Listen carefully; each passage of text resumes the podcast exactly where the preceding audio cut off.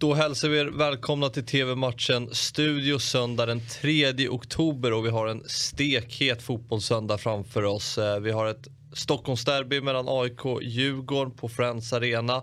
15.00, ni ser matchen på Discovery+. Plus. Ett av de eh, hetaste derbyna någonsin. Uh, Oj då. Ja, men det vill jag ändå säga. Inte bara för att båda lagen kamperar toppen utan nu får ju publiken komma tillbaka. Det kan bli mm. fulla läktare igen. Och... Mm. och hur var det nu här? Över 40 000 sålda biljetter och allt vad det nu var. Mm. Och ehm, ja, men om man går in på det sportliga då. Eh, Djurgården som toppar tabellen med 44 poäng. Tre poäng före AIK som ja, har tappat lite mark här. Man har ju åkt på två raka poängtapp. Senast en 1-2 förlust borta mot Degerfors och innan dess 1-1 mot Kalmar. Mm. Så AIK behöver nog eh, vinna det här derbyt. Eller vi kan konstatera i alla fall att Djurgården är det lag som nog är nöjdast över ett kryss. Ja, eller så är jagande MFF då, som numera är jagande och inte eh, liksom högsta hönset. Då, va? Det kan ju hända att MFF är nöjda med ett kryss i den här matchen också. Eh, tänker jag rent eh, spontant på. Nej, men jättespännande och trenden eh, står ju sig.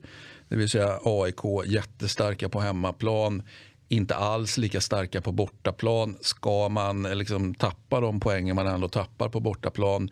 Jag tycker väl ändå att man, man ska kunna prestera snäppet, eh, snäppet bättre. Det, det, det, är min fasta övertygelse. Så att, eh, men nu är det ju hemmaplan. Eh, så att jag tror att vi får, och vi, och vi har ju spelare tillbaka här också från avstängning. Mm. Sebastian Larsson och Milosevic som tog väl vad man får kalla rätt taktiska gula kort för att mm. missa matchen mot Degerfors. För ja, men det straffar ju sig. Det straffar sig rätt hårt. Eh, för nu har man ju Djurgården, Hammarby, Norrköping och Malmö. Mm. Så det är ett extremt tufft eh, schema. Och de Med andra ord så kan allting hända i slutspurten av allsvenskan. Det låter som att det är det du säger. Ja, nej men så är det ju. Och det var väl inte många som trodde att AIK skulle väl förlora borta mot ett Degerfors som kom till den matchen med fem raka förluster till exempel. Så, eh, men eh, AIK, du nämnde starkt hemmafacit. Man har ju nio segrar, två oavgjorda och men inga förluster på hemmaplan. Så det en... Och det utan publik eh, merparten av matcherna ska man också komma ihåg. Precis. Så vem vet vad som händer när publiken kommer nu. Kanske blir ännu starkare eller så kanske det blir jobbigt. För, för att, för att nu, de, är du med? Du förstår, jag menar, nu måste ja. fortsätta vara minst lika bra för nu har vi fått publiken tillbaka. Så att det, ska, det ska faktiskt bli spännande att se just hur det här publikkortet spelas. Verkligen. Om vi kollar på Djurgården så hade man ju ett eh, derby i somras mot AIK det var 9000 eh, djurgårdare mot 11 AIK-are, alltså mm. spelarna. Mm. Eh, det slutade med 4-1 seger för AIK. Mm. Eh, så vi får ju se hur det går här. Vad, mm. vad, vad tror du? Vad du känslan? AIK. De går och vinner det här? Ja. För att? De är starka hemma. Mm. Ja, en, och, och vi har nämnda spelare Milosevic och, och eh, Sebastian Larsson tillbaka. Mm. Men, men eh, framför allt hemmaplan. Och eh, måste, man måste väl mer eller mindre vinna det här egentligen. Det, det är väntigt. Det, man ska, jag gillar inte det här att man måste vinna. Alltså, vi säger så här, det är att rekommendera att vinna. Eh, måste man, eh, vi har sett så många så säga, ligaspurter i så många olika ligor eh, och så även i allsvenskan där det, där det liksom mm. böljar fram och tillbaka. Och, och, så att jag värjer mig emot, det är klart att det är en måste-match därför att eh, det finns massor med supportrar som ska, ska gå till jobbet dagen efter och, och träffa sina polare som håller på andra laget. Så på, Inte minst här. Så på sån, eh, så sätt är det ju liksom en måste-match. Eh, men, men i, i, rent tabellmässigt ja. ja, det är många poäng att spela om även efter den här matchen. Ja, men det är ju ja. det. Vi har ju x antal omgångar kvar. Så är det ju. 15.00 alltså, ni ser matchen på Discovery+. Plus. Nu till en annan stekhet match, den mellan Liverpool Manchester City 17.30 som ni ser på Viasat Premium. Tabelletta mot tabelltvåan, eh, Klopp mot Guardiola. Ja, och de, och de två bästa lagen så är det ju bara i, i Premier League i alla fall. Och, eller ja, två, två av de tre. Vi ska väl ha in Chelsea också. Eh, Kanske världen.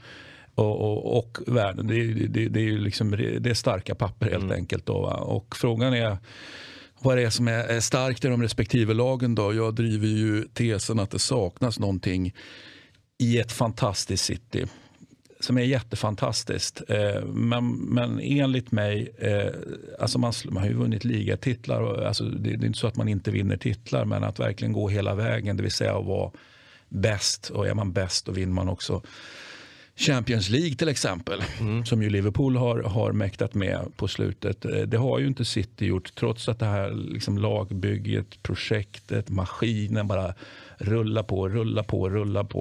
Och, och, Guardiola kalibrerar och fingrar och, och, gör olika jättespännande saker. Men, men mm, jag, saknar någon, jag saknar en mentalitet när man går upp mot dem, inte bara de nästan bästa, utan de andra som som också aspirerar på att faktiskt vara bäst. Eh, där tycker jag faktiskt att City saknar eh, vinnarskalle. Mm, och, och, det tycker jag inte att Liverpool gör. Nej, för jag tänkte fråga dig om, när du nämnde sakna. Uh, många menar på att man kanske saknar en renodlad nia, eller en kvalitativ nia. nia. Mm, mm. Uh, vi såg matchen mot PSG i veckan, man spelar jättebra, men man har mm. väldigt svårt att få in bollen. Ja, nu, precis. Sen kan man ju säga att de borde ha gjort ett mål, Bernardo Silva. Eh, såklart. Ja. Alltså, eh, det är ju sensationellt eh, att inte få in bollen där. Då. Men det blir ju så ibland att, att bollen inte går in.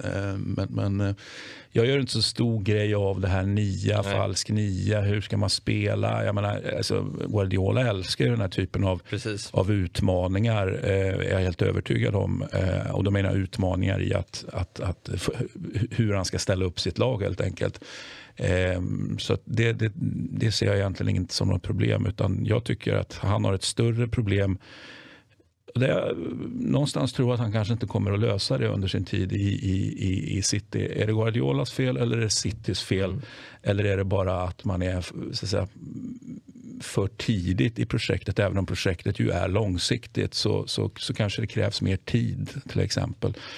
Eh, jag tycker det är en jätte, jätteintressant diskussion. Då. Men i min värld, eh, skallen på Liverpool-spelarna kommer att avgöra. Även om City kanske kommer att spela bättre så tror jag skallen gör att Liverpool går segrande ur striden här. Mm.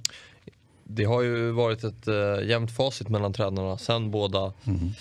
kom till Premier League. Man har mött varandra 13 gånger i Premier League-sammanhang. Fem segrar för um, Klopp, fyra för Guardiola och fyra matcher slutat oavgjort. Så det är mm. ju det är ju, det är de en ju, häftig statistik. Ja, de tar ju poäng av varandra. Men Christian, du tror alltså på Liverpool-seger? Ja. Mm. 17.30 alltså. Ni ser matchen på Viasat Premium. Det var allt för idag. TV-matchens studio är tillbaka imorgon igen. Tack för att ni tittat. Hej!